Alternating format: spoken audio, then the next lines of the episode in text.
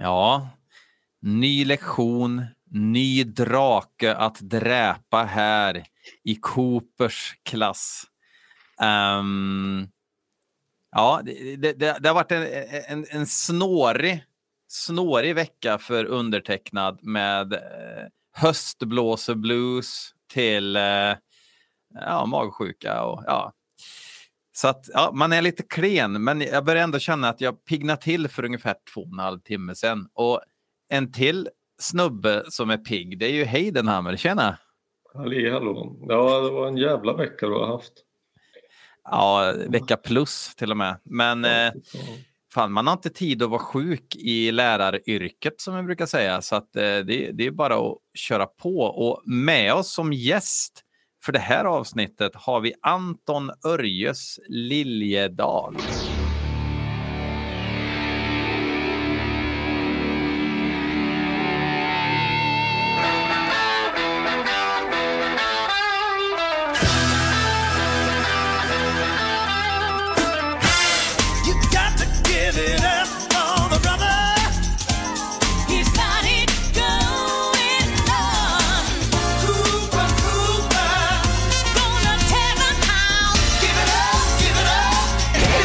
Gonna break it down. Korrekt. Hejsan. Hej. Jag, var, jag staka namn. Det, det var att jag fick ja. ett, ett, helt nytt efternamn ka, liksom kastat i ansiktet där så att jag stakar mig fram. Men, ja, hur är läget? Det är bara bra med mig. Föräldraledig. Så det är lugnt och skönt. Hade covid förra veckan men är frisk nu. Så det ja. Ja, mm. Nej, det, är ju, det är ju så här att uh, du, du erbjöd ju dig egentligen att gästa till Brutal Planet. Ja, men uh, jag visste ju inte att det fanns en till i Svea, Svea rike som ville prata om Brutal Planet. nej, nej. Så, uh, ja, det gjorde det ju. Och då blev det ju så att jag har, ju, hade ju, jag har ju inte hört Dragon Town innan och vem är jag den att döma ut den på grund av det där omslaget? Så då skrev jag och sa att behövde ni en gäst så ställer jag gärna upp. Och nu ska vi prata om Dragon Town. Och ja, det ska bli så... riktigt kul faktiskt. Du har ju alltså lyssnat in dig på den här skivan specifikt nu utan att ha liksom lyssnat på den tidigare alltså? Ja, det är mm. väl, ja, vi kommer väl komma till det tänker jag. Det är en låt som jag insett att jag har hört innan när jag har lyssnat på den. Men sen var det faktiskt blankt papper. Mm. Helt från scratch. Det är ju ett inledande segment som vi brukar börja med när man pratar om den egna relationen till skivan som behandlas i, i avsnittet och det var ju alltså rätt snabbt avklarat för din del Anton, tänker jag då. Mm. Ja, det är verkligen så. Jag, eftersom jag hörde av till Brutal Planet-avsnittet, det handlade ju om att det var ju faktiskt den första Alice Cooper-skivan jag fick. Så den har jag ju en mer kanske nostalgisk relation till att den har hängt med sedan man var tio bast. Mm. Men den här är ju som sagt ny och fräsch. Men då, men då kan jag ju egentligen direkt ställa en följdfråga på det. Att om, om du föll eller fastnade för, för Brutal Planet, hur kom det sig att du inte kollade in uppföljaren till den som ju ändå kom ganska, inte så långt efter, tänker jag. I ärlighetens namn så tror jag att det var en kombination att eh, jag inte hade råd. Jag fick 20 spänn i veckopeng. Kiss-skivorna kostade 99 kronor nere på CD-handlaren. Och jag köpte bara Kiss-skivor i princip. Det där Så, är ju ett svar till och med. Alltså Alex Bergdahl skulle väl approved. Tror jag. ja. det gissar man. Ja jag, ja, jag tror faktiskt det. Nej, men så det är nog faktiskt den anledningen. Och sen, ja, alltså, sen har ju varit klassikerna jag hängt med Alltså jag är uppväxt på rockklassiker, radiostationer, och där har man ju hört alla de låtarna och sen har det väl blivit mer seriöst intresse på senare år. Efter 2017 när han spelade på Gröna Lund. Då var väl då det drog igång på riktigt med att lyssna mig in på ett helt annat sätt. Än att bara bränna av 70-talet så att säga. Mm. Hade du börjat musicera själv då under tiden? För du, har ju, du är ju musiker, om vi förstår. Uh, ja, det hade jag. Absolut. Var Alice en influens på det egna skapandet? Uh, jag spelar inte med det bandet längre, men vi, jag hade ett band tidigare och då spelade, alltså Love It To Death lyssnade vi fruktansvärt mycket på.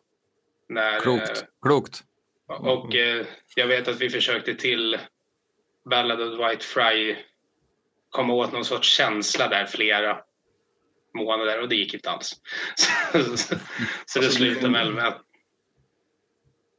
Ja, det är ju en jävla skillnad på att spela Ballad of Dwight Fry och att spela Ballad of Dwight Fry. Ja. ja, det är det. Så det är väl den vägen. Det är ju liksom en sorts magi som händer i den där konstellationen liksom som eh, inte handlar om att spela rätt eller snyggt alla gånger heller utan eh, eh, det är ganska ackordiga låtar liksom. Mm. Ja, I alla fall Ballad White Fry. Men det är ju att bygga den där atmosfären tillsammans som är utmaningen skulle man kunna säga. det, det är sex Det är unika. Mm. Eh, men den här rackaren då, Dragontown från 2001. Dragontown was a kind of a tribute to Jim Morrison. I wanted it to be very this is the end kind of thing uh, because I sent Jim Morrison to Dragontown too. So he deserved to be there it's my hell. I can send anybody I want there. Watch your step. Um, min relation var ju, Brutal Planet kände jag ju till, det, det berättade jag ju, uh, men eh, eh, uh, ägnade ingen tanke åt att lyssna på den när den kom för att jag kände att uh, vi har gått skilda vägar. Uh, sen kom Dragontown, jag såg omslaget och jag tänkte att ja, samma, samma, samma tänkte jag. Utan att ha hört det tänkte jag samma. Ehm, det här är inte för mig. Eh, så att ehm, jag har heller ingen tidigare relation till den här skivan. Men jag har mognat till mig och insett det viktiga här i livet. Och det är ju Alice Cooper, Felix, Väggpytt och barnen. Liksom. Mm. Så, eh, så är det. Men så, så att, ja, men skral relation och det det är mycket, men det är mycket på. Jag. Det här var ju liksom den musiken som. Alltså det här stuket som jag tyckte förvanskade det ädla med hårdrocken liksom. Eh, industri tjugga tjugga musiken. Eh, som var lite väl nära besläktat med det som eh, kallades nu metal. Och jag kände att eh, jag är false om jag tar mig till det här. Liksom. Ett farligt vändiagram där med överlappande cirklar. Och... Det är ju det. Och jag menar, nu är, det är ju lite grann som minerad mark fortfarande att lyssna på det och man försöker hitta ja, de där be- berömda russinen i kakan. Liksom. Hitta Alice Cooper i den här smeten. Liksom. Mm. The core. Mm. Ja, Ja, det återstår väl mm, min relation. Då. Eh, alltså först och främst så är det Dragontown. Town. Eh, Sundsvall kallas ju av någon jävla anledning för Drakstaden. Det finns ta mig fan inte ett företag i den här stan som inte har försökt sig på att heta någonting med Drakstaden. Om det så är ett jävla basketlag eller om det är en biltvätt eller ja, gud vet vad. Jag har ingen aning. Omvårdnadshemtjänst Och, omvårdnads, eh, hemtjänst och jag, jag vet inte vad. Eh, så Så Dragontown har ju en viss klang här då. Eh, och där får man att tänka på en, en liten anekdot som min, eh, min bloggkollega Hatpastorn informerade mig om när en, en kompis till honom hade försökt ragga på en tjej försökt få tag i en, en kärlek på nätet långväga härifrån. Och då försökte han sälja in Sundsvall med att säga att det här är ju då en stad som är belägen mellan två majestätiska berg och vart man än går i stadskärnan så man kan inte gå någonstans utan att det är statyer av drakar överallt det var alltså någon gotisk tjej. Det var det verkligen. Eh, Det var ju bara det att när hon kom hit så att ja, de här bergen, ja ni som har varit här vet ju att det är ju kanske mer som en kulle i Skåne kanske då. De här drakarna är ju företagssponsrade plastdrakar eh, med graffitimålning på.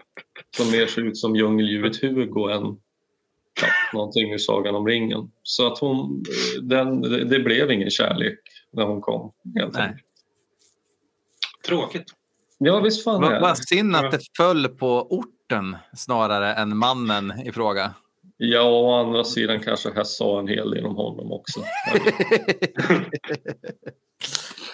Ja, Eh, ja, men själva skivan då? Nej, men för jag, egentligen, jag, jag har ju lite grann samma grej, att den här bara kom och, föll väldigt snabbt i glömska.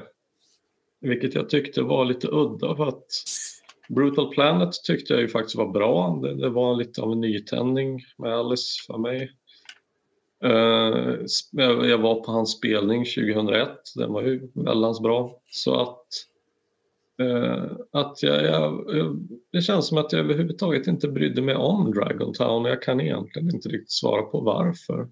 Men det, det var inga singlar, eh, inga, ingen video som, som roterade någonstans. Det kändes som att den inte var riktigt lika fokuserad som Brutal Planet. Och så, sen var ju det här fruktansvärda omslaget, alltså omslagsdesignen och, och Ja. alltså det kändes... Alltså, ja, kanske inte som en bootleg men en rejält hafsig bensinmaxsamling. Det är den här, är den här eran liksom av omslag som, som inte gör sig på vinyl heller riktigt. Utan det, det, en minidisk kanske, kanske ser ut så här. Liksom. Men en vinylskiva, det, det känns som att, att man har eh, tryckt ett format som det inte riktigt är lämpat för. Alltså, Det är för jävligt han har snott en, eller fått låna en sargkniv från Rafael i Turtles som man står och hittar med. Lagom respektkniven. Men det, det, det är liksom en sorts... Det, det det är nästan så att det ser ut som att de har delat ut dem gratis på torget liksom, för att man ska komma på spelningen. Ja. Det ser ut som en souvenir. Ja, jo. Ja. Kom det- och se det här. Ja, Eller, eller också gör vi något annat ikväll. Ja, ja det, finns, det finns ju annat också. Det är ju fiskemässa. Nej, men, men sen så är det ju liksom... Den släpptes ju inte på vinyl heller då, utan den, här, den kom ju typ 2014 eller någonting Ja. första gången tror jag på Mm. LP. Så att ehm, det var ju Ja, men- verkligen LP-döden. Ja, nej, men alltså, jag, så minns, jag vet ju att jag har lyssnat på den lite grann med ojämna mellanrum och så jag tyckte att den har varit okej. Alltså, kommit ihåg lite grann en del av låtarna men det har aldrig varit någon riktig favorit i diskografin utan det, ja, den finns där. Mm. Eh, sen så var det väl också den här idén att eh, det skulle finnas ett löst koncept på skivan om att eh, Dragon Town ska vara den värsta staden på en brutal planet. Och så att det här skulle vara liksom någon slags avslutande del i en mer socialrealistisk trilogi skivor om man räknar in Last Temptation. Eh, ja, jag vet inte. Ja, den, den där röda tråden är dåligt vävd. Men, ja, men. Den är inte helt hundra. Nej, Nej. jag tror inte det. Vi, vi, kommer ju, vi går ju igenom den och inga händelser i förväg och allt sånt där. Men Pekka Ja. Heino dyker inte ens upp liksom.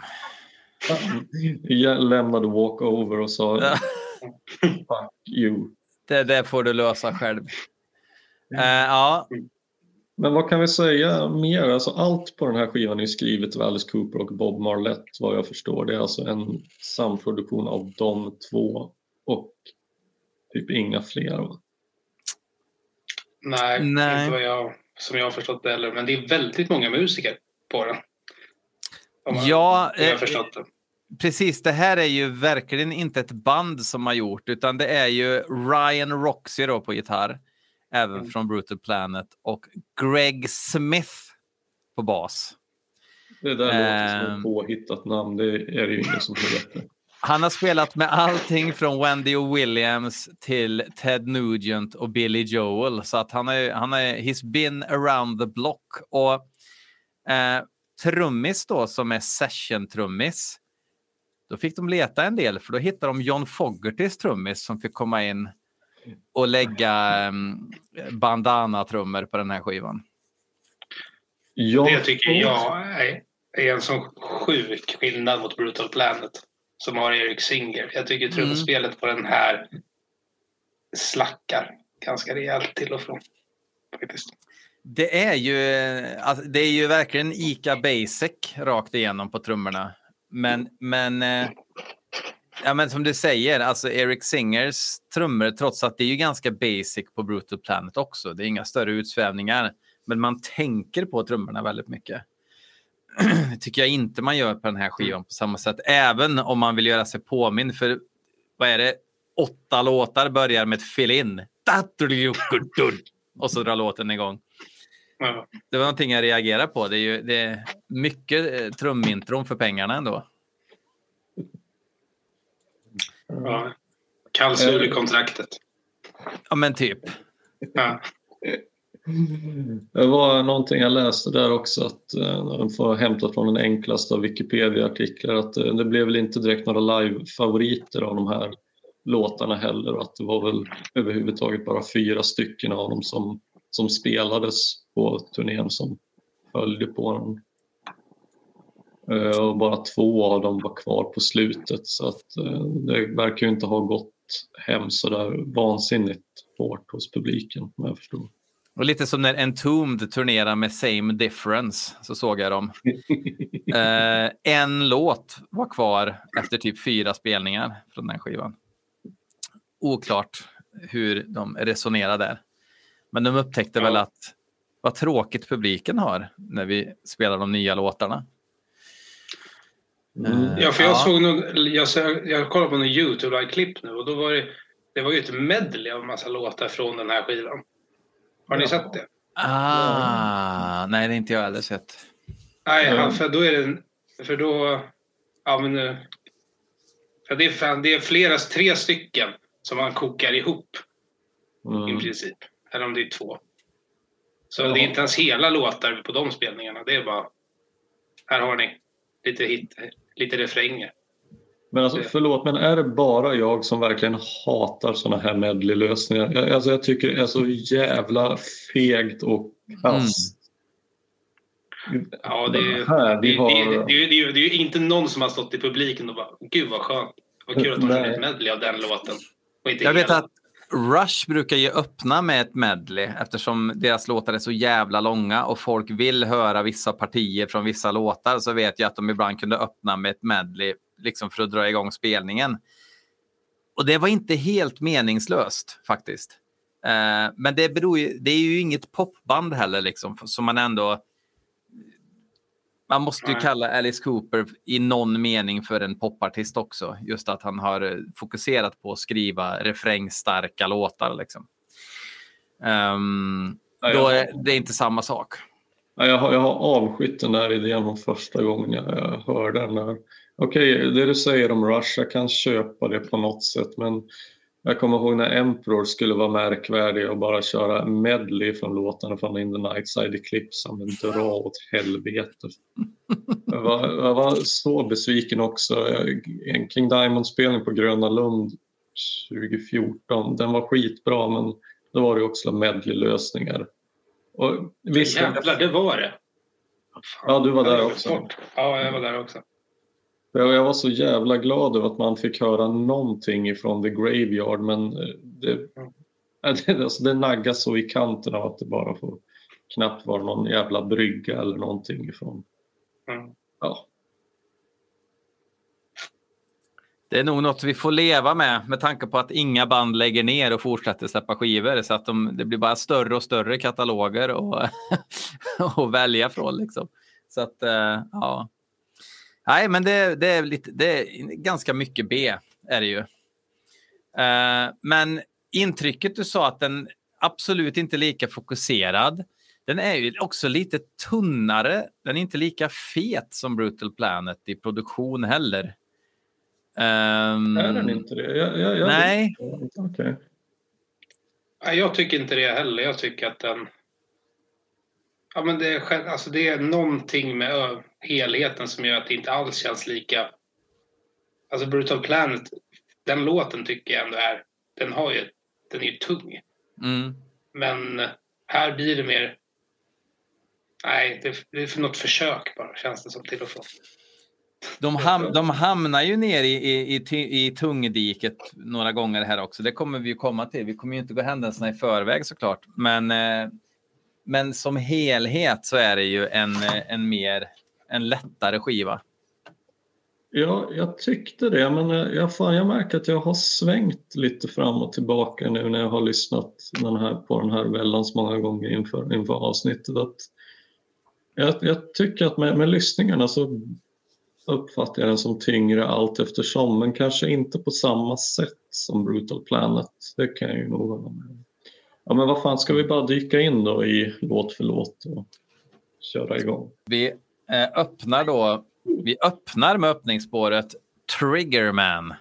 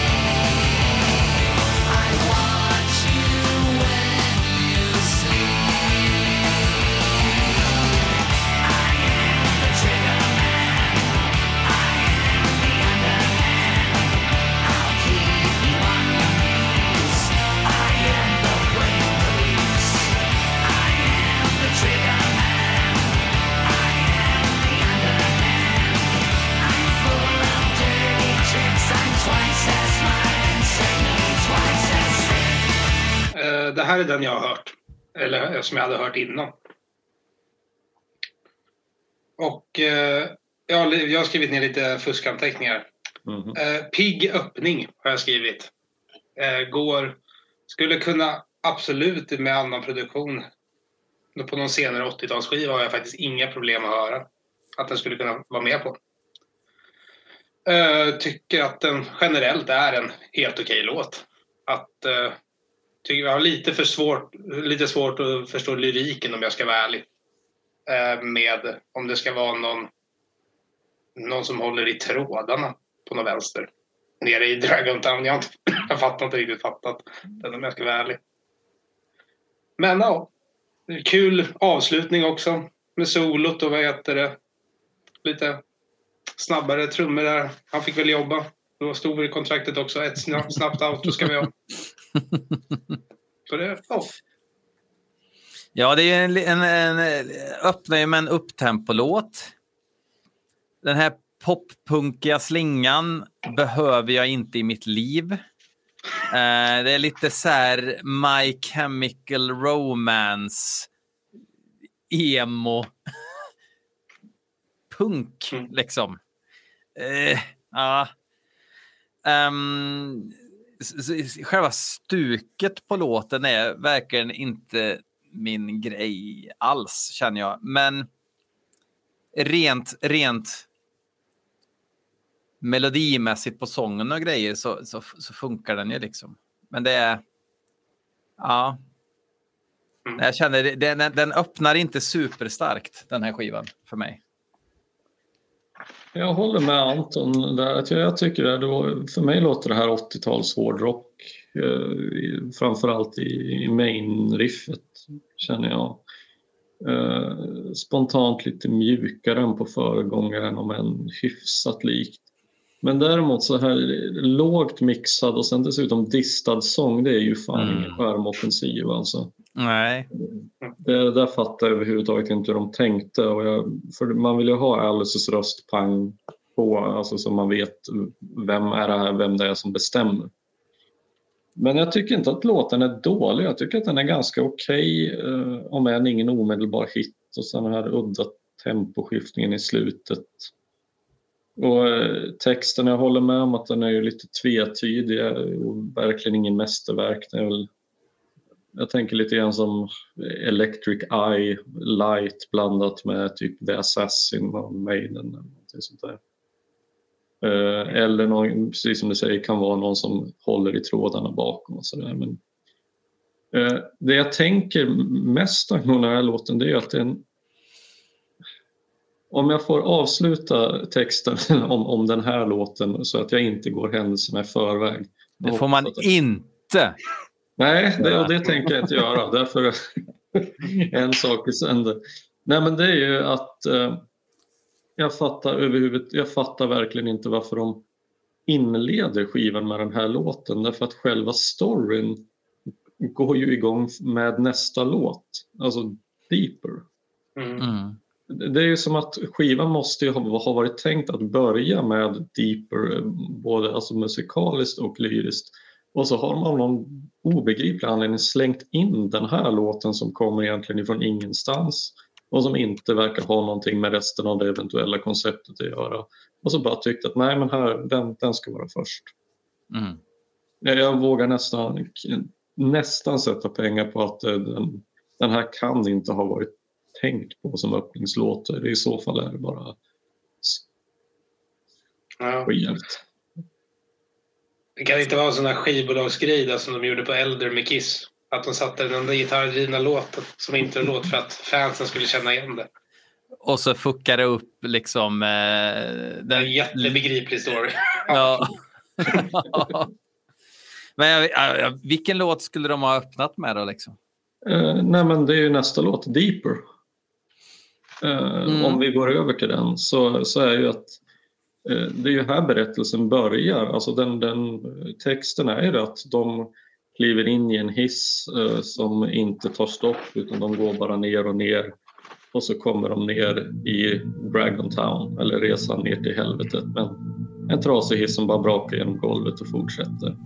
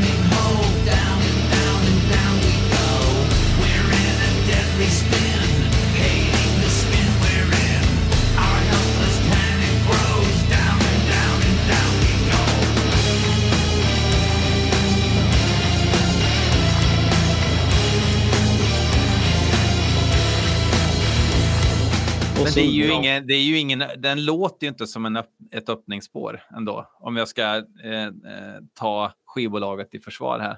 Mm. Alltså jag, jag, tycker så här, det vore inte, musikaliskt sett vore det kanske inte en, en jättebra öppningslåt men om du tänker med introt med den här lite ambient-känslan i början mm. och sen så... Jag tycker det känns... ja.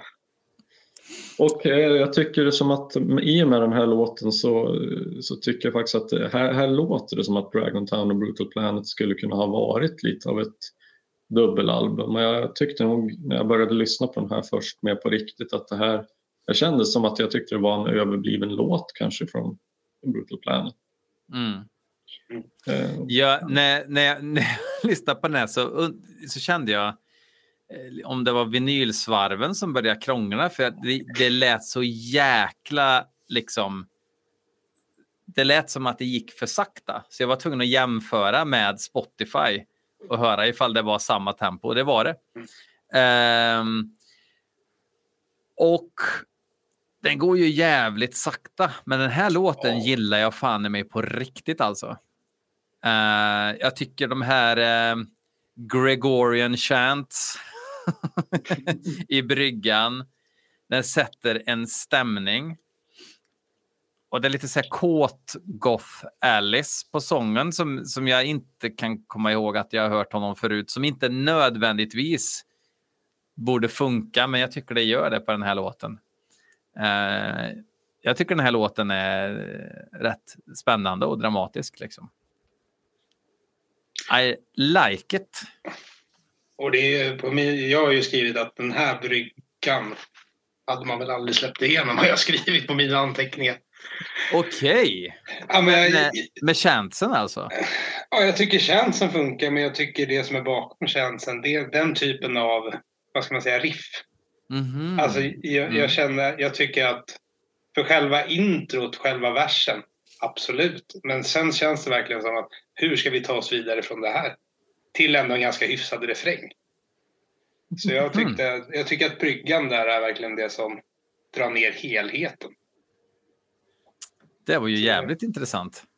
Ja, då är det du som eh, avgör nu då, Henrik. Ja, jag, jag önskar att jag hade kunnat göra det, men för jag har nämligen skrivit och tyckt att jag, har, jag förhåller mig neutral och så här, lite oväntad svängning när mellanspelet kickar in eller bryggan.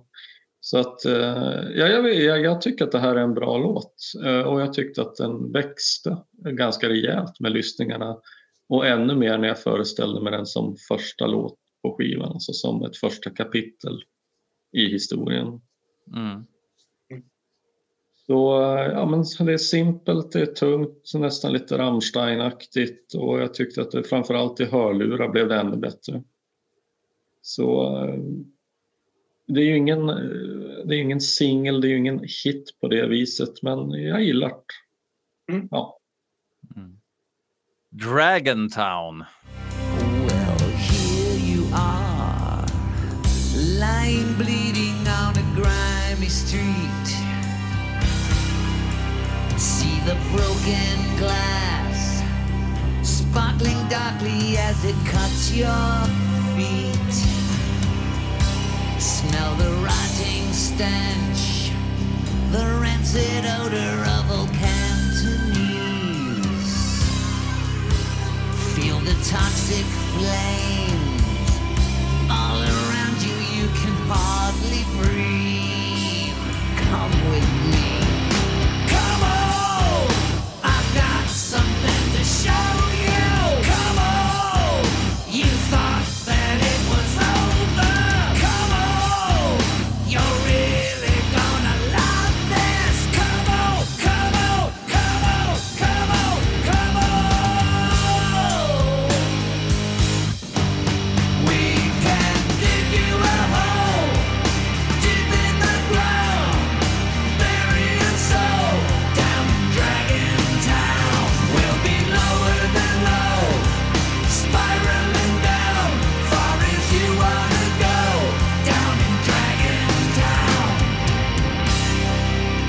College-rock möter industri är tydligen grejen, har jag skrivit som kommentar.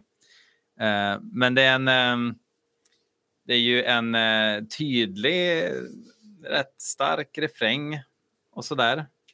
Mm. Alltså det, det, är ju en helgjuten låt, liksom. Den är bara inte skriven till mig specifikt. Det är inte mig de har tänkt på när de har skrivit den här låten. Men jag kan inte... de, skickade ett, de skickade ett vykort från Sundsvall och du tog inte emot den. Nej, precis. Jag, jag, jag eh, glömde kolla postlådan. Um, ja, men det, det, är liksom, det, men det är, ändå, det är ändå lite axelryckning känner jag, lite som öppningsspåret. Alltså att det är, det är, det är inte en, en objektivt dålig låt, men jag berörs inte supermycket. Ja, Jag tycker refrängen är faktiskt... Jag gillar refrängen. Jag tycker den tar ner det här lilla melodiösa gitarrleken med lite symbol. Lite plock där, lite symballek i början och sånt där. Men sen, ja. Jag vet inte, han gör lite referenser till Brutal Planet. Det var det första jag reagerade på, på min första lyssning. Som jag tyckte var skojiga. Där är vers två. Mm. Mm. Så det... Ja, ja, en i mängden skulle jag säga. Lite mer. Ja, även det här för mig har varit, jag, jag var inte alls speciellt imponerad när jag eh, hörde de här första gången men inför de här hårdlyssningarna så är det här någonting som har växt och sen så märkte jag att fan den här fick jag verkligen på huvudet och när den började sätta sig och jag lyssnade flera gånger efter det, då satt jag verkligen och nickade med ofrivilligt. Så att, eh, ja, en, en klämmig och klistrig refräng Kanske en lite seg låt allt som allt. Eh, Jag gillade också de här eh, referenserna till Brutal Planet-låtarna och ja, systemkollapsen Sundsvall, liksom, det känner man ju till. Och så den här lite halvorientaliska touchen blir jag lite glad av för att den påminner om Scarlett and Sheba, tror jag det är, från Dada. Mm. Nu när du säger det. Men så antar jag att vitsen med den här låten är att ge en lite filmisk känsla och jag tycker att det funkar delvis, tror jag. Alltså med de här beskrivningarna av vad som finns ute på gatorna. Det är krossat glas och det luktar sopor och det är eh, kroppsdelar som kokar i, i pannor och vad det nu än är. Eh, Men det är så, jag har också skrivit att jag, nästan, att jag önskar att en mer fokuserad producent med hårdare nypor hade fått riva och slita i skivan. För då tror jag att det verkligen hade faktiskt kunnat vaskas fram några rejäla guldkorn här. Det, det är lite för ofokuserat, låtarna blir lite för långa, lite för sega. Det finns potential här men det hade behövt skalats av och tajtats till. Han är väl fast i sin samtid, liksom. Att det måste vara på ett speciellt sätt för att ha en chans att höras och synas överhuvudtaget. Det måste vara... Vill han vara en, en liksom modern tungrockartist? Vill han det? Men, men samtidigt så syntes han ju inte alls. Det, det är väl det som blir så ironiskt i så fall att den här skivan inte fick några videor eller singlar eller alltså någon egentlig uppbackning. Nej, men han ville väl åtminstone synas. Det kan vi väl vara överens om. Sen att han inte gjorde det, det kan ju bero på ganska många saker.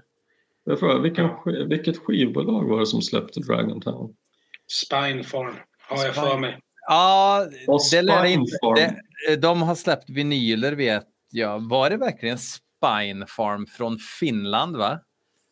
Ja, det var ju de som legendariska skivbolaget som hade Nightwish och som köptes upp av ett megabolag för att de ville ha just Nightwish. Men Nightwish hade ju redan skrivit på för ett annat så att plötsligt stod ett megabolag där med Spinefarm och med massa fullkomligt meningslösa C-gäng från Finland och bara ångade. Men jag hade Det var, det var Spitfire. Spitfire. Spitfire Records. Det hade ju varit väldigt kul om Åfermod och Alice Cooper hade legat på samma bolag någon gång. De Det har hade ju varit. släppt på Spinefarm. Men, Väl- men Sp- Spitfire, släpp, de släppte de Brutal Planet också? Det var en bra fråga. Jättebra fråga.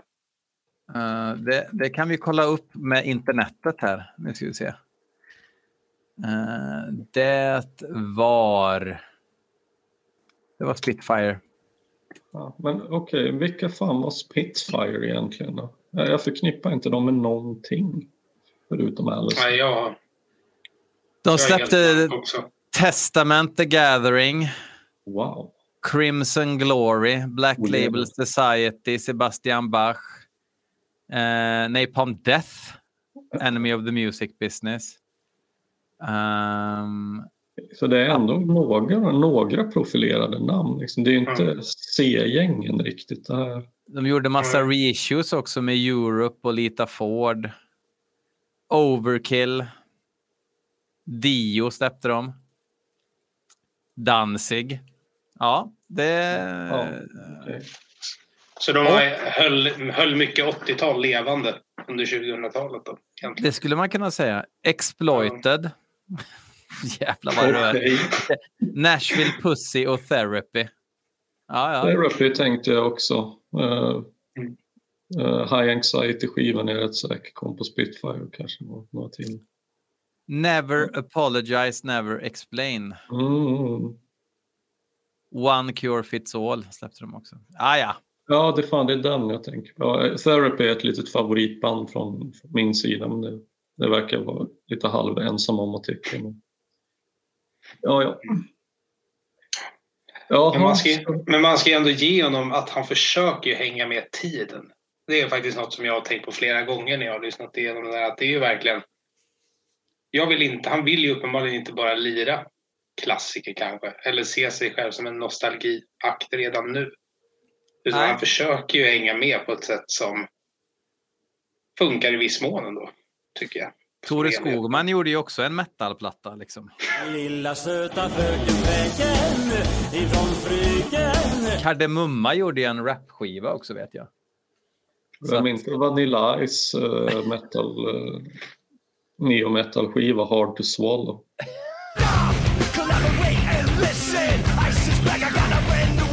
Ja, jävligt passande titel. Ehm, men sen har vi då Sex, Death and Money.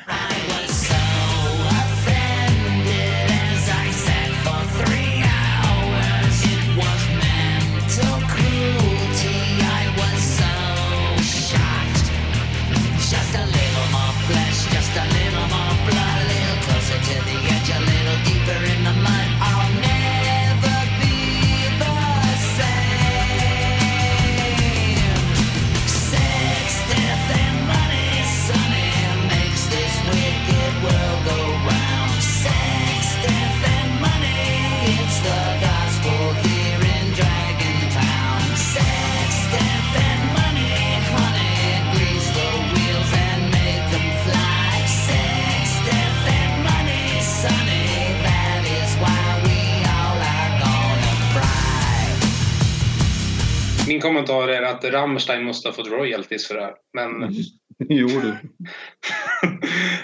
det, ja, det ljudet där när de kopplar på något sorts industrifilter i introt. Jag har generellt ganska svårt för det. Så det. Sen har han ju ett bra flow som jag tror till och med ja, Ice Cube eller Vanilla Ice hade gillat i de här verserna. Det, det rullar på bra. Pappa fortsätter rappa alltså. Och, Precis. och sen ehm, tänkte jag på ehm, att eh, Sex, Death and Money och Make That Money, det är lite samma melodi där också. Make That Money, Sex, Death and Money. Jag vet inte om det är en nickning. Men eh, jag hann att bli lite glad i alla fall. Mm. Han att känna mig trygg mitt i allt blipploppande. Jag fastnade i tankarna här lite grann med kopplingen att han står ju med en sai-kniv på omslaget som han har lånat ifrån Turtles. Mm. Och Vanilla Ice gjorde ju soundtracket Ninja Rap till Turtles 2. Go ninja, go ninja, go. Go ninja, go ninja, go. Go ninja, go ninja, go. Go, go, go, go. Oj, På något sätt så går det här ihop. Jag ska bara tänka, Ja. ja. det här är ju en riddle som ingen har löst än tidigare. Han Ja, låg inte på Spitfire. Ja, jag, jag tror att Spitfire höll sig undan den tågkraschen Ja. faktiskt. om Om. Spitfire släppte Vanilla Ices Hard to Swallow så har vi fan med en vinnare i den här leken.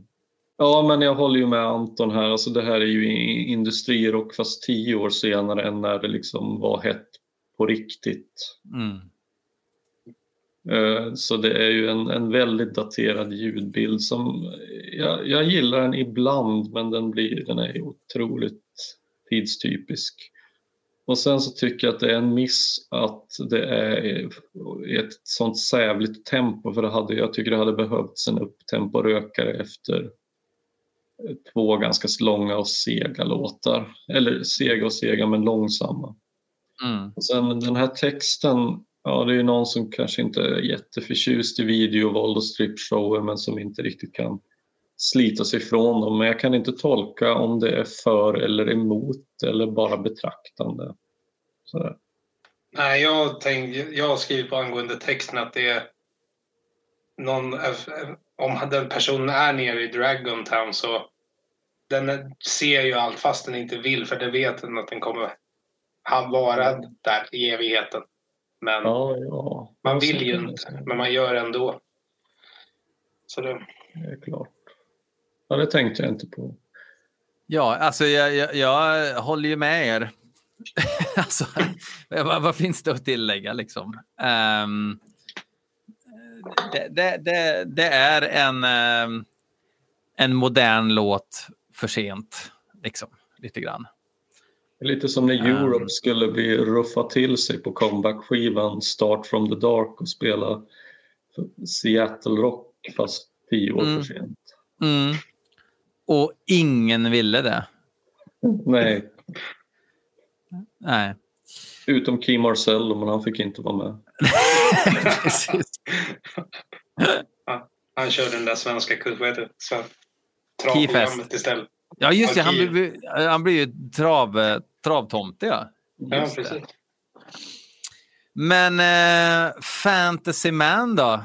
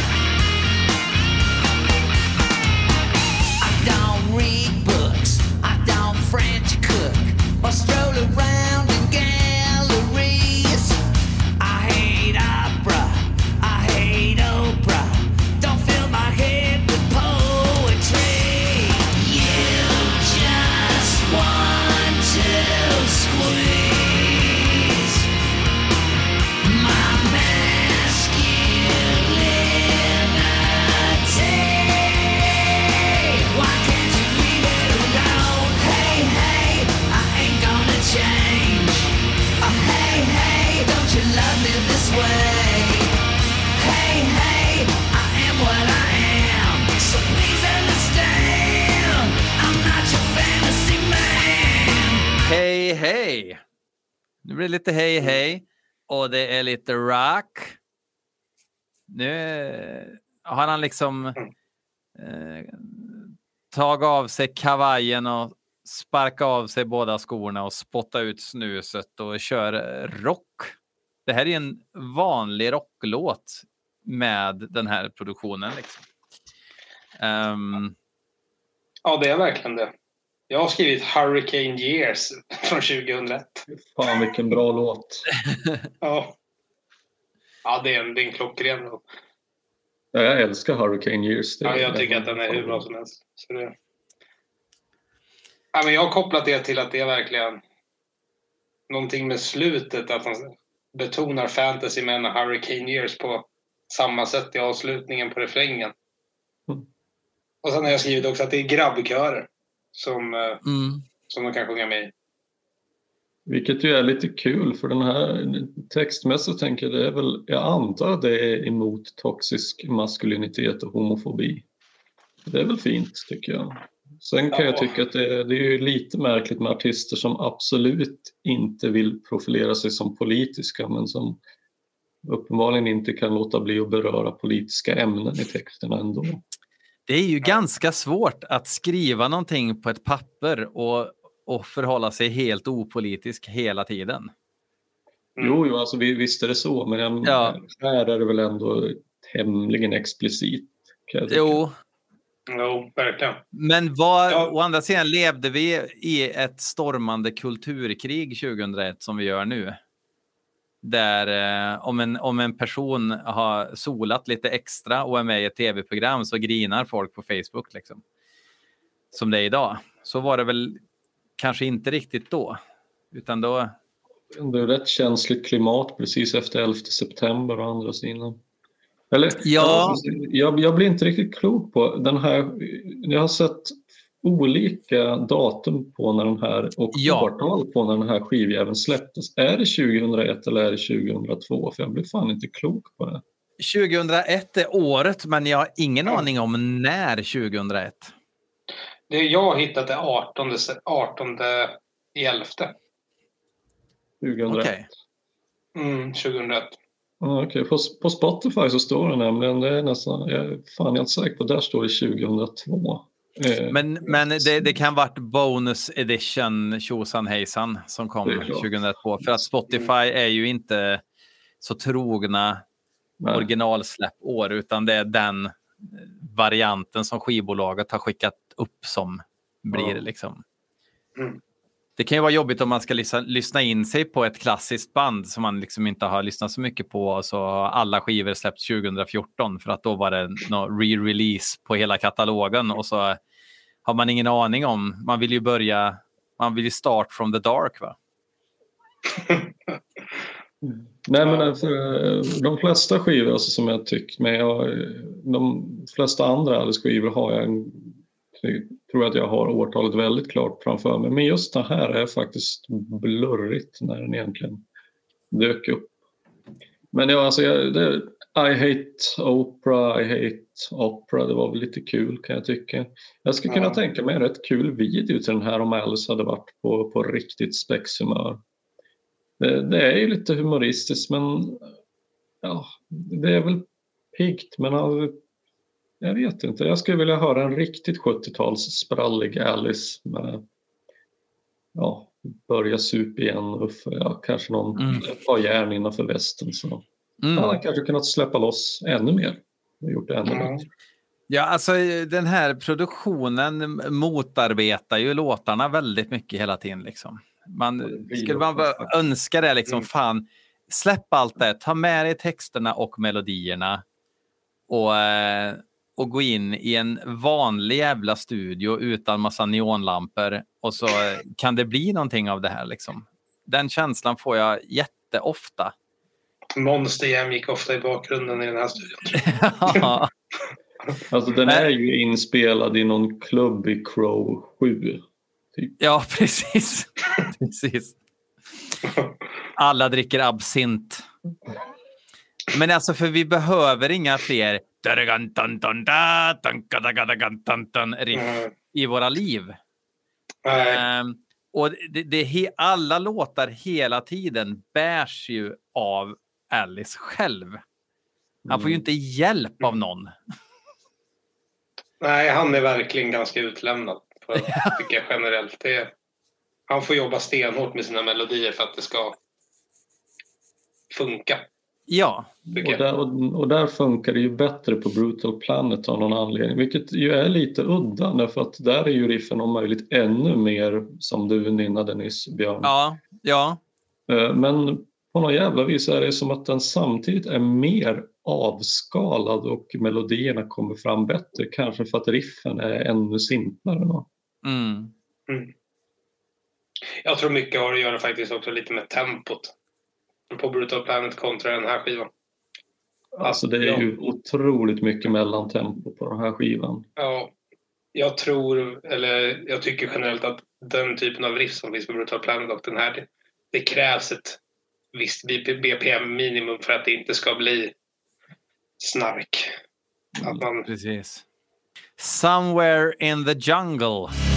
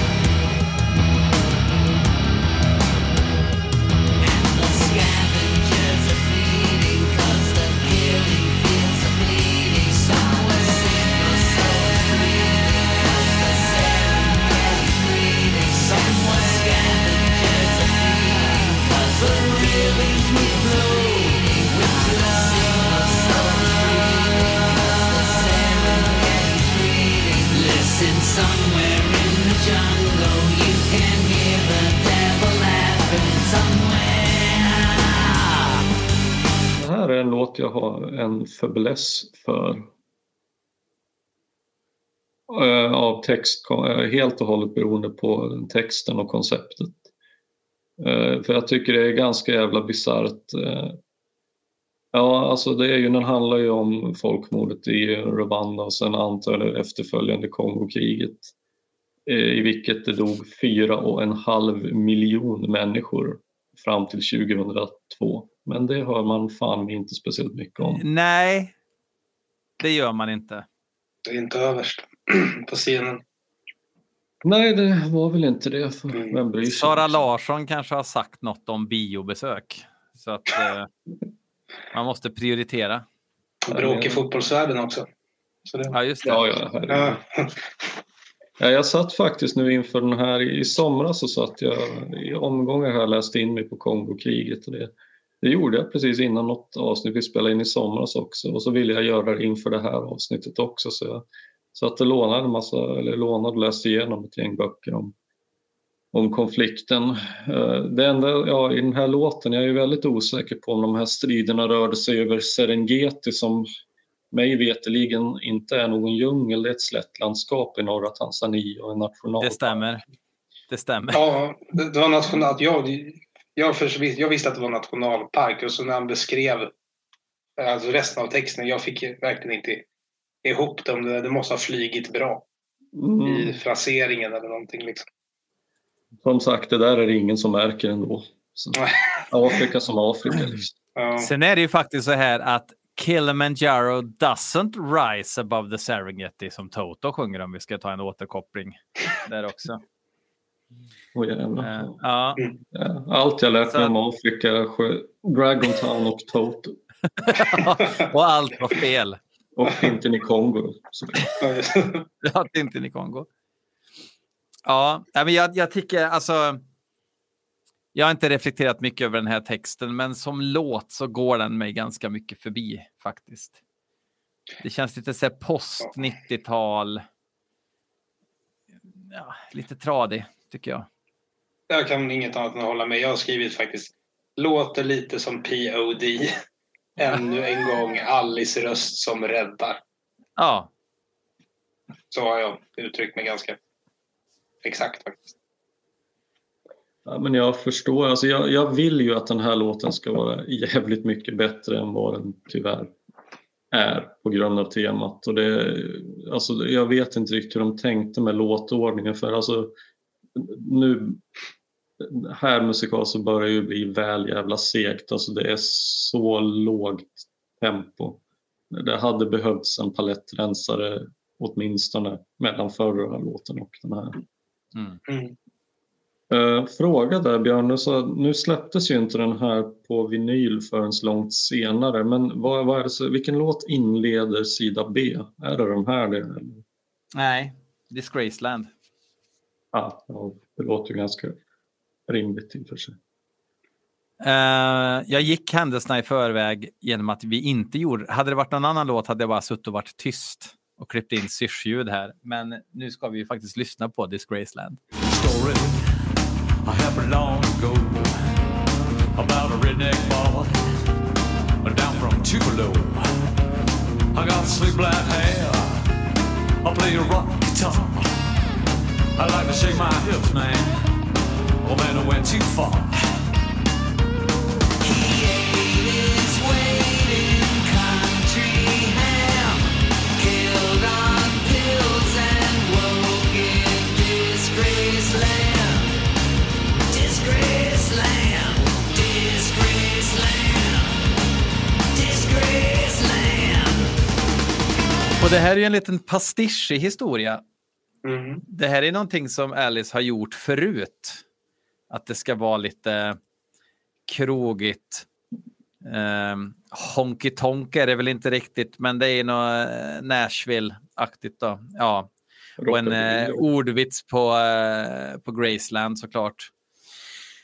Ehm, men inte en helt tokig. Jag vet inte om det är att man, att man börjar liksom fundera lite grann över fall man har kikärtor hemma tidigare på skivan som gör att man vaknar till lite när den här kommer.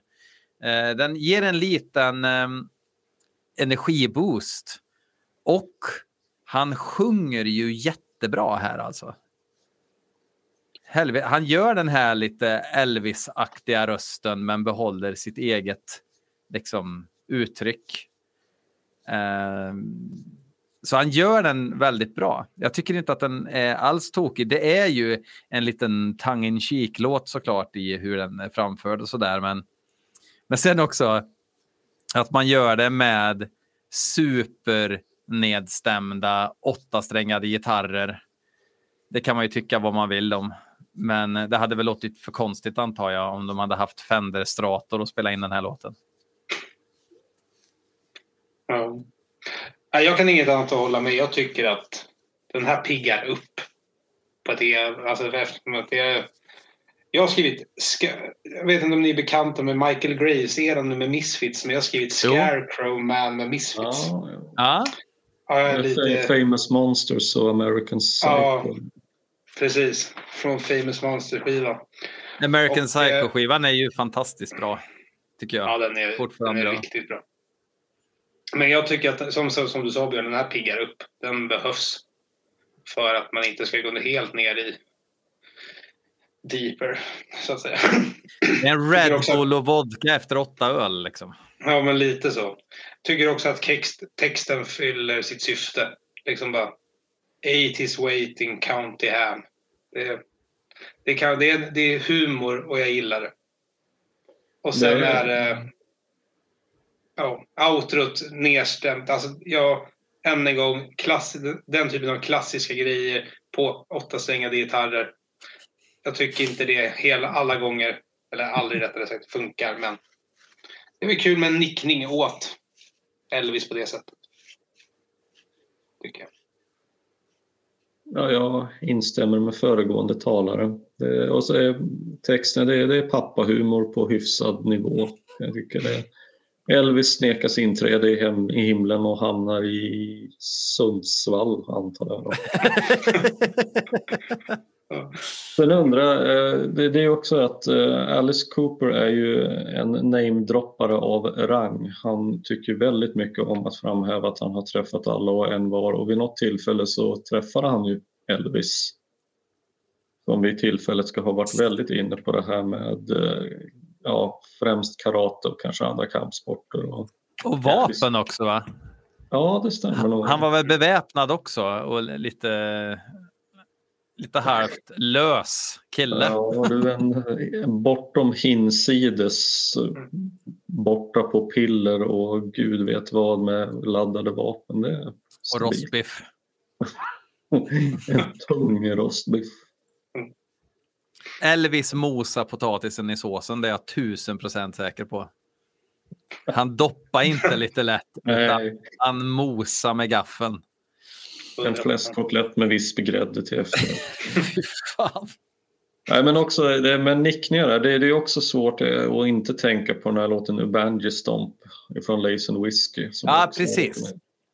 Precis, fast den här är fan bättre än Ubangi Ja, det, är det, alltså det här är fan en, ganska, det är en bra låt. Jag måste säga att lite grann mot min vilja. Det är lite grann som Rammsteins eh, så att säga, tokroliga låtar. Att den här, fan vad den här sätter sig efter en stund. Att eh, den här har jag verkligen haft på huvudet och gått och smånynnat på utan att jag egentligen tyckte att den riktigt förtjänade det. Men den effekten, den. Så det är ju bra. Mm. Sister Sarah. No, I don't know, but I've been told there's a nun having fun and she lost her soul. She got cash, she got laid. Now she's dealing with me and she gonna get paid. She got caught with the bishop, got caught with the abbot, even Cardinal Sin tried to feed her habits. Now we get whores and pimps and skanks, but when your judgment came down, even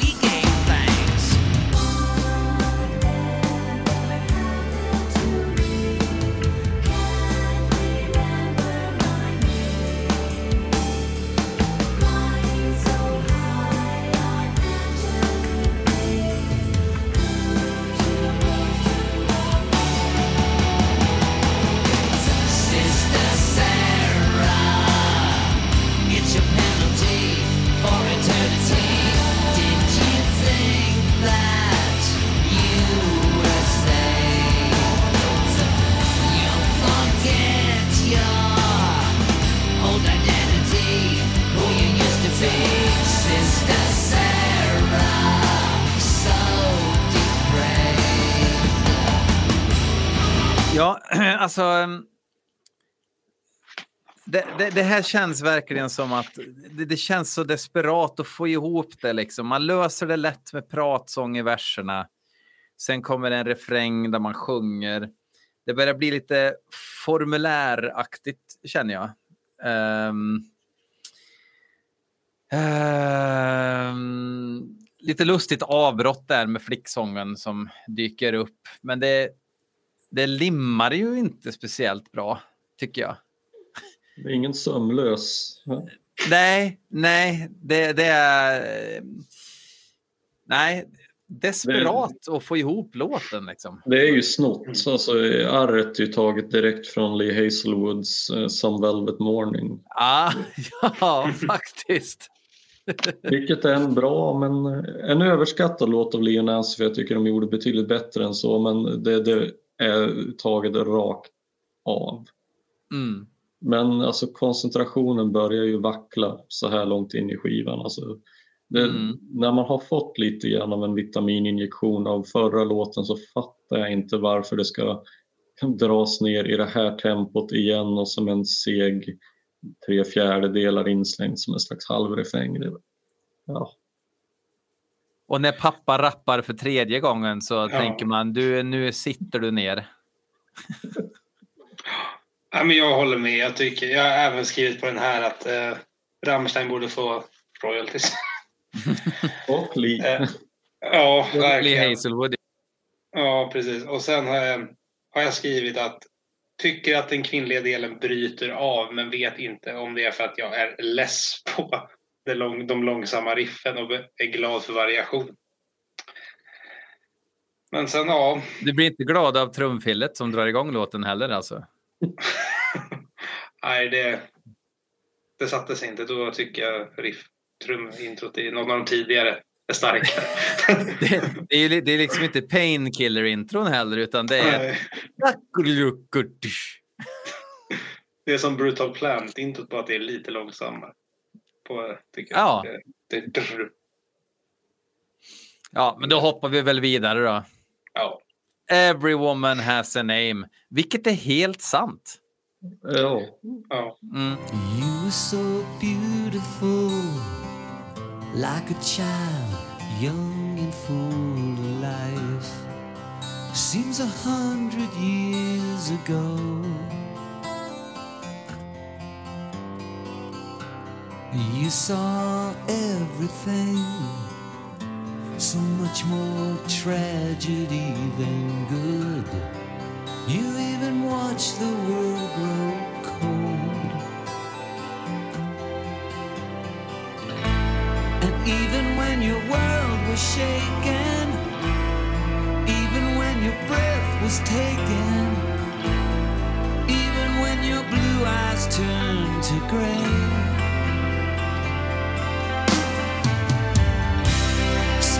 Town debutantes or queens, every woman has a name. Cocktail waitresses with dreams. Every woman has a name. And every girl whose love survives a broken heart to stay alive. You signed your picture in the frame. Eh, nu är det helt plötsligt en housewife ballad. Från ingenstans. Eh, ja, han gillar ju att ha en sån ibland. Det ska Ehm, väl in. Det finns Nej. inget att se här, skrev jag också som kommentar på den här låten. Ja, jag har faktiskt jag har skrivit alla som kan spela gitarr har skrivit den här låten någon gång. Eh, alltså det- den, den ackord, all de här ackordföljderna. Mm. Sen tycker jag att sångmelodin, absolut, den är över medel för den här typen av eh, standardballad. Men Men känns helvete vad en ballad behöver ju en, alltså utan en redigt stark sångmelodi så behövs ju ingen ballad. Liksom. ja, Ja, jag tänker textmässigt så är det väl återigen så här, man får väl kalla den feministisk. Den är ju inte så värst analytisk utan påminner väl om det uppenbara. Det stråkar och allt. Och jag vet att det här var en av de här låtarna som jag ändå kom ihåg från skivan men det betyder väl inte att jag tyckte den var så vansinnigt bra. Det är ingen riktig favorit. Men det, en sak som, som jag tycker är lite udda är att om, om man lätt kunde... Han har ju fixat till alltså stråkar och grejer och jag undrar varför kunde han inte göra lite fler sådana saker för att piffa upp skivan även på andra ställen? Mm. Är det som hade de bråttom med att få ut det här eller, eller något? Man undrar ju det. Alltså, han åkte väl ut och spelade direkt efter, har jag för mig. Alltså med, på runda två på Mm. Brutal Planet-turné. Så jag vet inte om det var något där att bara... Vi måste smida medan järnet är varmt. Men det är ju också, det är ju ganska många låtar, det är väl 12 låtar på den här skivan och så 13 eh, den version med bonusspåret. Mm. Alltså vad fan, då hade de väl kunnat kapa några stycken och tajta till det som fanns kvar och så piffa upp kan jag tycka. Mm. Nej men det, här- det här är ju inte dåligt, det är bara, ja det har också skrivit, det finns inte så jättemycket mer att säga. Nej, men och sen också, den, den passar ju inte in alls. Men alltså nu, här börjar det ju bli riktigt konstigt där om Dragon Town skulle vara ett koncept för det. Ja, ja, om man verkligen vill så kanske man kan få ihop det på något. Fast fan vet inte. Om texten jag har skrivit, jag har faktiskt bara gjort ett frågetecken i konceptet. Det är så här, jag vet inte ens hur jag skulle skohorna in dem om jag ska vara ärlig. Men det, Vi har ju konstaterat genom den här serien att alltså Alices, Alice, Alices, Alices. Alices konceptskivor är ju mer skivor än vad det är koncept många gånger. Mm. Jag, jag vet inte, har vi kommit fram till, alltså finns det en skiva som verkligen, ja det är väl From the Inside och möjligtvis Goes to Hell då. Det ska väl vara de som håller från början till slut men för mig fan till och med där finns det ju lite frågetecken. Kanske. Jo, men det, det, det, det, det gör det ju. Det finns ju låtar som sticker ut där också. På From the Inside. Ehm, ja, det, ni kan lyssna på de avsnitten och, och, och få alla tänkbara svar. ja. Ehm, I just wanna be God. I'm in control, I got a bulletproof soul, and I'm full of self esteem. I invented myself with no one's help. I'm the prototype supreme. I sit upon my private throne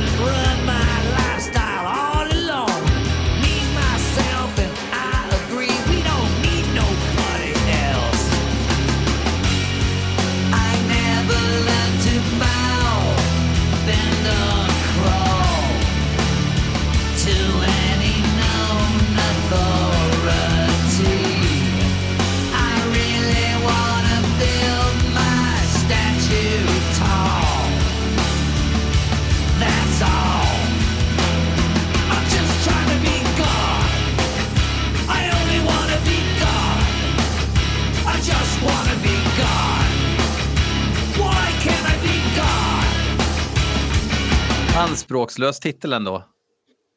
ja. Alltså jag efterlyser kanske inte Grind eller Dave Lombardo tvåtakt men, men kom igen. Alltså nu får det för fan vara nog med det här segtempot. Ja, det Ja. är... Nej, förlåt. Kör du, ja. Ja, ja men det, det är ju liksom... Allting nu bygger ju på, var ärlig, alltså det har vi sagt förut, men det blir så extra tydligt också. Det är ju, det är ju inga riff på riktigt. Utan det är Nej, ju to- inte- token-riff, det är bara Oriff. oriff för att låten måste ha ett intro. Introna fyller ju knappt någon funktion längre. De bara, det bara pumpar i bakgrunden. Som att han har köpt musiken från någonstans och sen så stänger han in sin grej på det. Um... Jag tänker att om man jämför då lite grann med eh, alltså från Blackout-eran så att man kan ju säga att jag menar, låt, må, många av låtarna på dem, kanske framförallt Sipple Catch Skin och eh, Special Forces.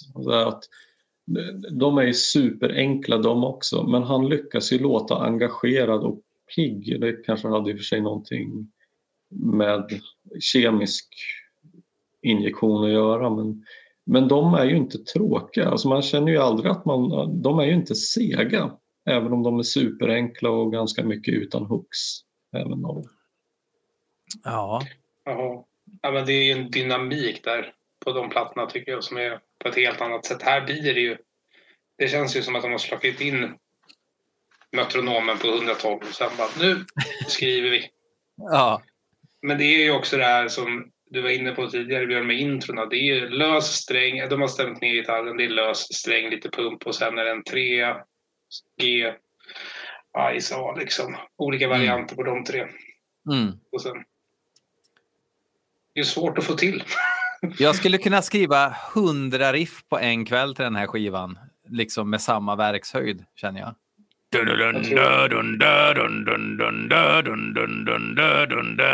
Så. Har inte du ett uppslag till nästa vignett till BL Metal Podcast? As played by Alice Cooper Band on... Nej, inte band då, utan det blir raka motsatsen. Session musicians from Dragontown. Ja, det blir snårigt. Nej, men jag skulle säga det är komp, pratvers, melodisk grunge, grunge metal-brygga, teatralisk roprefräng som inte gör supermycket för att lyfta låten, men, den, men det sänker den inte heller. Liksom. Alltså, Nej, det det är de här pratverserna som man börjar bli mätt på nu. Men han slänger ju till med lite Prototype Supreme och lite sån här Born to Rock, Born to Rule. Lite sånt där. Så det, han var nog på gång. ja. Han, han var pepp. ja, Det är kul. Jag har skrivit att jag tycker det är en lite sämre försök till syskonlåt till Gimme That från Brutal Planet. Och sen te- textraderna är ju kanske lite väl kristet cringe-worthy men ja, ja. Så tänk, eh, det roligast med låten är att den får man tänka lite grann på den här gamla forna diktatorn i Turkmenistan, Niazov, som också byggde en staty av sig själv i guld och som snurrade parallellt med solen 360 grader så att han alltid skulle få solen i ansiktet. Skrev egen bibel som sköt upp i kretslopp och grejer. Varför inte? Nej, precis. ja. Jag skulle nog bygga ut huset istället eller någonting. Jag vet inte, någonting skulle jag isolera källaren. Det, det är jag helt säker på att han gjorde. Eh, it's much too late.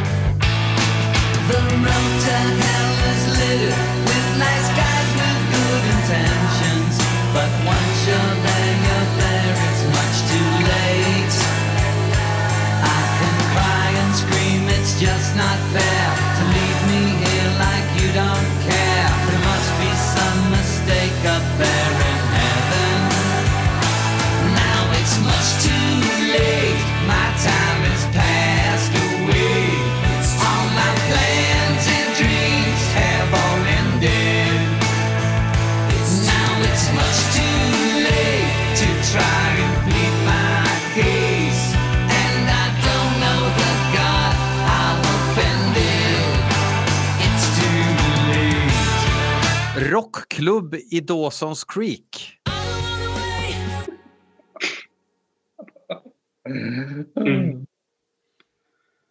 Ja. Ja, jag, jag har skrivit att det låter Blink, Blink och Avril Lavigne. har jag skrivit. Ja, Poppunk verkligen. Tycker jag Mm. att det Bryggan, Ja. lite Beatles-vibb i bryggan som räddar upp Ja. det en hårsmån. Men man kan ju se sådana här vignettklipp där en i, i taget vänder sig mot kameran och, liksom, och det är Sunny California i bakgrunden. Mm. Det här är inte min musikstil överhuvudtaget. Det finns få... Det var skohornat in den här Beatles-vibben då liksom för att eh, ja, nej, det här är inte bra hårdrocksmusik. Nej, jag kan inget annat än hålla med. Jag tycker inte att det funkar överhuvudtaget. Och med den här produktionen så blir det också att... Eh, nej, det går inte. Alltså, jag, tyck, nej, jag, tycker, jag, jag har inte så mycket mer att säga. Jag tycker, jag tycker att eh, texten är helt okej. Den visar ju bara att det spelar ingen roll hur mycket... Du kan ha varit hur snäll och oskuldsfull som helst, men så länge du inte tror, tänker jag väl att det ska vara innebörden av texten, så hamnar du i Dragon Town i alla fall. Så det, det är väl en fin liten twist, twist på den kristna tron på det sättet. Liksom. Jag tänkte att textmässigt så är det lite Model Citizen ifrån Flash the Fashion tror jag är halvny skepnad. Men huvudpersonen sitter nu istället i Sundsvall och undrar hur det kunde gå så illa. Och det är vi ju många som gör i och för sig. Mm. Eh, jag- jag gjorde en liten märklig association. Var att jag upptäckte att ackordföljden tror jag är densamma som Space Age Baby Janes Electric Light Parade från 1998. Och jag undrar vad de gör nu för tiden egentligen. Det undrar nog de också faktiskt. Mm. De sitter i Sundsvall och undrar hur fan det gick så här. Men du, jag tänker, är Triggerman, handlar den om Kjell Lönnå? Vi, vi säger ja. Ja, Och är det en slump att Alice Cooper faktiskt var här i Sundsvall precis innan han spelade in Dragon Town? Det tror inte jag. alltså det låter lite väl otroligt att han skulle råka spela in Dragon Town efter att han har varit i Sundsvall. Exakt. Mm. Och ännu en sanning som kommit upp till ytan i den här poddserien. Fy fan, det, det, känns, det känns som att folk har ögonen på oss nu på ett negativt sätt. För att eh, vi spiller för mycket bönor här i Coopers klass. Det är så mycket hemligheter som kommer upp. Lönnå vänder sig i graven här nu. Är han ens död än? Ja, men han Jo, dog väl? Han, eh, nu måste vi googla Lönnå. Kjell Lönnå. Jo, men han är, han är död. De ska bygga upp någon staty för mig. Han dog i maj förra året. Ja, ja, ja. Eller dog och dog, blev nedtystad kanske.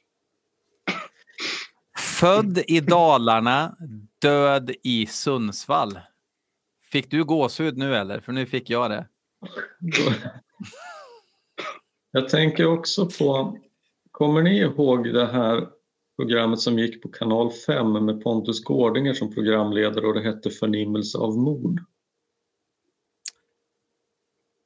Shit vad, jag, shit vad det ringer en klocka nu. Ja, det var eh, kanal 5 som hyrde in eh, ett gäng medium varav ett hette Jörgen och såg väldigt lik ut Mogge i Marduk om ni frågar mig. Som gick omkring i olika städer och blev besatt av folk som eh, kanske då hade blivit mördade. Och när Skö- han- Skön etisk programidé. Ja, så jävla bra. Och vid ett tillfälle så är de i Sundsvall och den här Jörgen då, det är ju lite kris för att jag tror att det är så program nummer fem eller någonting i serien så han har ju spelat ut hela sitt register. Hans move var att han började ofta gråta då för att det var ju så hemskt det som, han, det som hade hänt om han blev besatt av. Så att i Sundsvall avsnittet tänker han, ah, men nu jävlar måste jag liksom kränga ut någonting nytt. Och det gör han genom att, eh, nu minns jag eh, det är inte Johan Aspen, det är Olle Högbom heter han som för, försvann spårlöst, man vet inte riktigt vad som har hänt med honom. Men enligt mediet Jörgen så blev han ju uppenbarligen mördad i Sundsvall och eh, när Jörgen är ute och går så blir han då besatt av Olle Högbom och eftersom Olle Högbom dog på fyllan så blir även Jörgen berusad och står och torrspyr på järnvägen. Och då tänker jag att om Olle Högbom nu faktiskt har en slags efterlivsexistens, då spenderar han den genom att vara full i evighet i Sundsvall. Vid rälsen. I rälsen.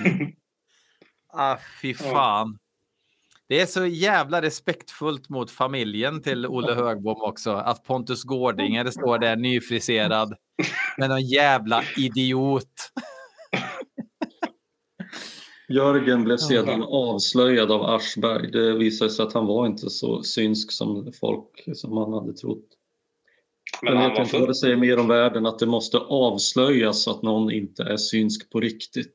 Mm, ja, det... Ja. Vi hoppar vidare till The Sentinel och herregud vad härligt det hade varit om det var Judas Priest, The Sentinel, som avslutar den här skivan. Men det är det inte.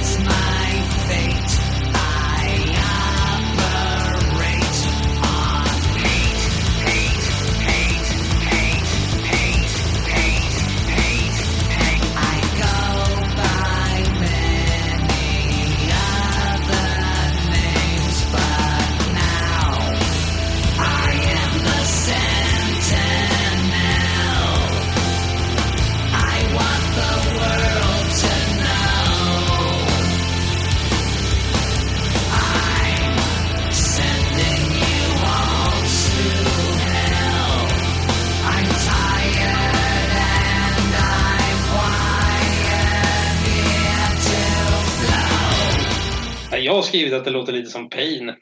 Det är kanske är jätteelakt mot Peter, men det känns som att Ja, men det gör det ju faktiskt nu när du säger det. det Mm.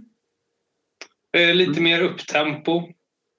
Alltså, så jag tycker ändå att eh, jag blev jättemycket gladare att det fanns en låt till än att det var It's Much Too Late som skulle avsluta skivan, om jag ska vara ärlig.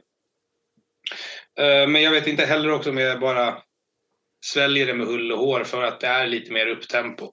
Och att man nyss har dragits igenom fyra, fyra fem låtar av lite lägre BPM så att säga. Det är lite grann som att man, om man har verk någonstans och så Mm. byts verken till en annan plats så är det lite skönare. För att man är så glad över att det inte gör ont på samma ställe som det har gjort ont så länge. Så kan det mycket väl vara. Som att under en rejäl migrän drämma foten rakt in i en dörrkant istället. Ja, det är ju alltså självskadebeteende är det ju det handlar om.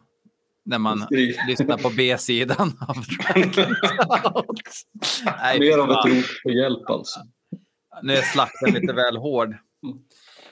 Ja, Alltså, Det är väl ingen dålig låt det här heller, jag tycker inte det. det är, däremot så är den ju rätt anonym både musikaliskt och textmässigt. Och det låter ju ungefär som de andra låtarna på skivan fast kanske lite mörkare, lite mer hotfullt. Och det är Mm. återigen en ganska antiklimaktisk avslutning på en skiva av Mm. Alice Cooper. Men fan, det är inte dåligt, det är bara där. Men det är väl också att Mm. man, man börjar bli trött på stuket också. Så att hade den här låten varit tidigare på skivan så hade man säkert gillat den mer. För att man börjar bli lite mätt på industripop.sörja nu vid det här laget. Liksom. Och um, Alltså jag kommer inte ihåg hur den låter riktigt, men jag har skrivit refrängen är i alla fall inte helt förutsägbar. Eh, versen är tafflig, eventuellt medvetet, men likväl tafflig. Um, och sen frågar jag lite grann vad syftet är med, det, med, det, liksom, med låten. Rent musikaliskt. Typ. Ja. en rökare att avsluta plattan med. Mm. Det är ju inte ens en rökare. Det är det som... Ja. Ja, det, det känns bara så... Återigen, alltså det är 12 låtar och 13 med bonusspåret som vi kanske inte behöver gå in på. Nej, för mig är det ju inte över här. Utan jag har, har en lånat, till. har han lånat ett katanasvärd av Jajamän. Leonardo också? Jajamän. Åh jävlar. Ja. Han har ingen sån där käpp tror jag någonstans. Men han Eh, brukar ha en käpp på scen. Jo, men han har ju för fan, har han inte en käpp här? Jo, Jo. var, vart är nunchakun? Och vart är Spencer? Vilken jävla, vilken jävla miss att bara köra 75 procent. Han avverkar ju inte hela, alla törtlar. Ja, Jag nej. tror, jag tror den finns där någonstans i hyllorna. Det är inte så att Can't Sleep, Clowns Will Eat Me är eh, en låt som hade lyft skivan nämnvärt. Men den hade inte varit sämst på, en, på ett vanligt album heller. Det är en ganska kraftig You really got me-stöld i versen. Eh, väldigt kraftig sådan. Skulle jag säga. Det är nästan plagiat som måste vara medvetet. Ja, jag tycker det är en roligare titel än på många av de övriga låtarna och jag tycker att Mm. de, de hade gärna fått byta ut en av de ordinarie låtarna mot den där för det gör det lite piggare men i sig är det inte en speciellt bra låt. Roligare titel än vad låt. En låt. Mm. Mm. Har du Nej, jag hört den Anton? Du har också hört den? Tror det. Ja. Men det är inte... Men det är mest för att jag går på referensen nu med You really got me. Mm. Men det... Då, ja, vet, då vet man om man har hört den. Om, ja, man, precis. om man tog den referensen. Och, Ehm, ja. Då är det ju alltså dags att ehm, time to graduate för Dragontown. Nu ska den få ge Mm. sig ut i vuxenlivet och stå på egna ben. Ehm, och eh, jag, jag, jag kan börja. Eh, det här är ju utan tvekan för mig den svagaste skivan hittills i Alice Coopers karriär. Ehm, det är den skivan som jag varit mest uttråkad av hittills. Eh, jag har jättesvårt att sätta... Ah, gud vad svårt det är. Men en, en snäll 2,5 Av. av 10. Nej, men av 5. av 5. Ja, det, jag, jag kanske är för snäll. Jag känner att jag ibland kanske är lite för snäll. Eh, men... eh, nej, jag sätter fan en två alltså. Du bekämpar betygsinflationen. Här. Jag, jag gör det. För, för, för alltså, eh, det är den första skivan som jag har känt att jag har suckat lite när jag, när jag vet att jag ska perm till perm lyssna igen. Jag gör ju det ganska många gånger inför varje avsnitt. Och det här har varit det har varit så mycket annat jag vill ha lyssna på istället hellre. Som den har stulit lite tid för, känner jag. Anton. Eh, ja, men jag, kan, in- jag, kan, jag håller med. Alltså, när jag började lyssna på den så kom jag på mig själv att tänka Gud vad kul att den varierar så mycket. Ut, om man jämför med, med Brutal Planet. Men sen vad heter det, efter lyssning två så kände jag nej, det här var... Det här blir nog det blir lite tuffare än vad jag trodde. Så jag tycker också att av alla de jag har lyssnat igenom hittills, för jag håller ju på att lyssna igenom diskografin också på ett eh, mer intensivt, med ett mer intensivt lyssnande så att säga. Så jag ger den här två. Jag kan inte för ge, alltså jag kan inte ge den mer. Alltså det, det ska bli gött att kan få sträcklyssna på något annat. Och det, det sättet. Mm. Ja, eh, jag får faktiskt säga att den, jag tycker att den är lite bättre än vad jag kommer ihåg. Men 12 låtar på över 50 minuter är alldeles för mycket och med det här tempot. Eh, många av låtarna går i samma tempo och i samma register som flyter ihop till mycket av en smet. Men fan också att samtidigt så är det att alltså, ju fler gånger jag lyssnar på den så ju mer tror jag i varje fall att jag fattar vad han var ute efter och vad, vad jag tror poängen med skivan var. Men det är i så fall en, en platta som kräver betydligt fler genomlyssningar än vad någon skulle vara villig att ge den. Alltså den tar Mm. för lång tid på sig i så fall att komma i mål. Så att, den är på, jag tycker den är på samma gång både mer ofokuserad eh, eh, både mer fokuserad och mindre fokuserad än Brutal Planet. Det är som att jag tycker att han har på något sätt kommit in i Brutal Planet-rollen men börjat tröttna på den jävligt fort så att han bara vill bli kvitt och göra någonting annat. Så att det, det är det som är trist. Jag tycker det finns potential här och det finns bra bitar. Jag tycker det låter mer självsäkert än på Brutal Planet men eh, ja, det är vad det är. För mig blir det här en en, en helt klar, jag har aldrig hört en skiva som är mer tre av fem än det här. Alltså den är precis i mitten. Den är jämntjock, den är och helt okej. men jag kommer ju inte att lyssna på den här i efterhand. Det kan jag, kan jag inte tänka mig. Nej. Möjligt, möjligtvis kan Deeper hamna i någon playlist någon gång för mig. Um kanske Disgraceland också, jag vet inte. Mm. Om vi har några framtida projekt. När vi ska göra the best of the worst Yes. of Alice Cooper. Ja, nej men så här. Jag, nej men om, man skulle, om man skulle vara tvungen att välja ut en låt till ett blandband eller till en best of. Ja, jag tror fan jag skulle ta titels, titelspåret ändå. Jag, jag tycker att den där refrängen Come on, come on, I got something to show you. Jag, Mm. jag väljer nog den i så fall. Jag hade nog valt Disgraceland. Som ändå är liksom en pastisch. på Ja, något vis. Ja, det var ju tråkigt. att, att vi känner så här. Mm. Ja, nej men alltså kan vi nog, jag tror att det är ju lite som du säger Björn, du tog ju bladet från munnen här. Det här är väl egentligen första gången att om man hade hängt med Alice från början eh, under hela karriären så att det här är nog den första gången man känner att men nu är det rätt tråkigt. Alltså, mm.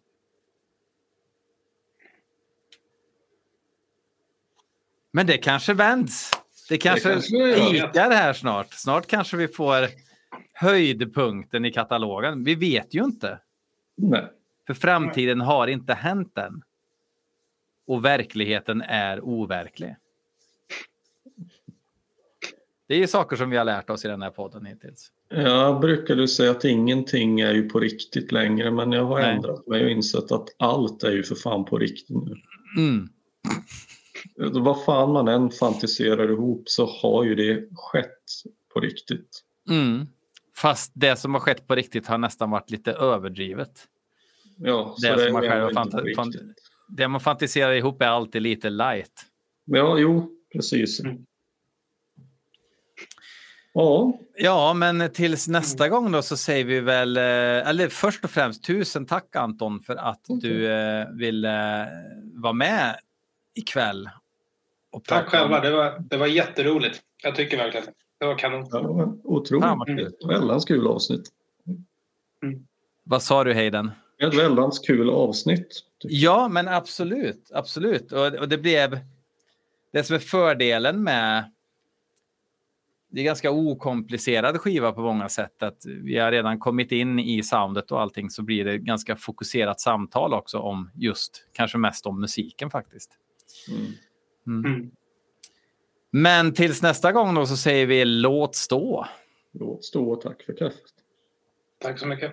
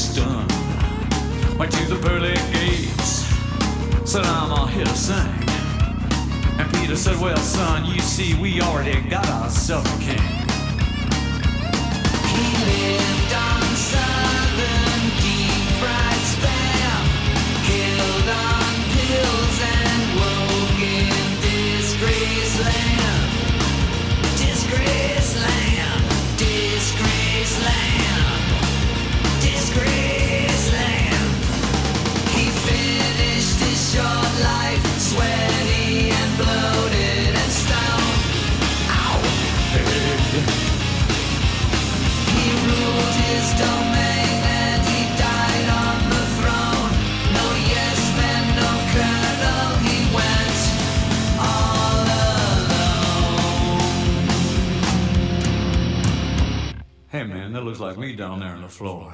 I heard the devil cry. I heard the loud clear. You were a big man there. You're just a side man here. No, I know your face. And I heard your name. Looks like heaven's lost. Are gonna be mine.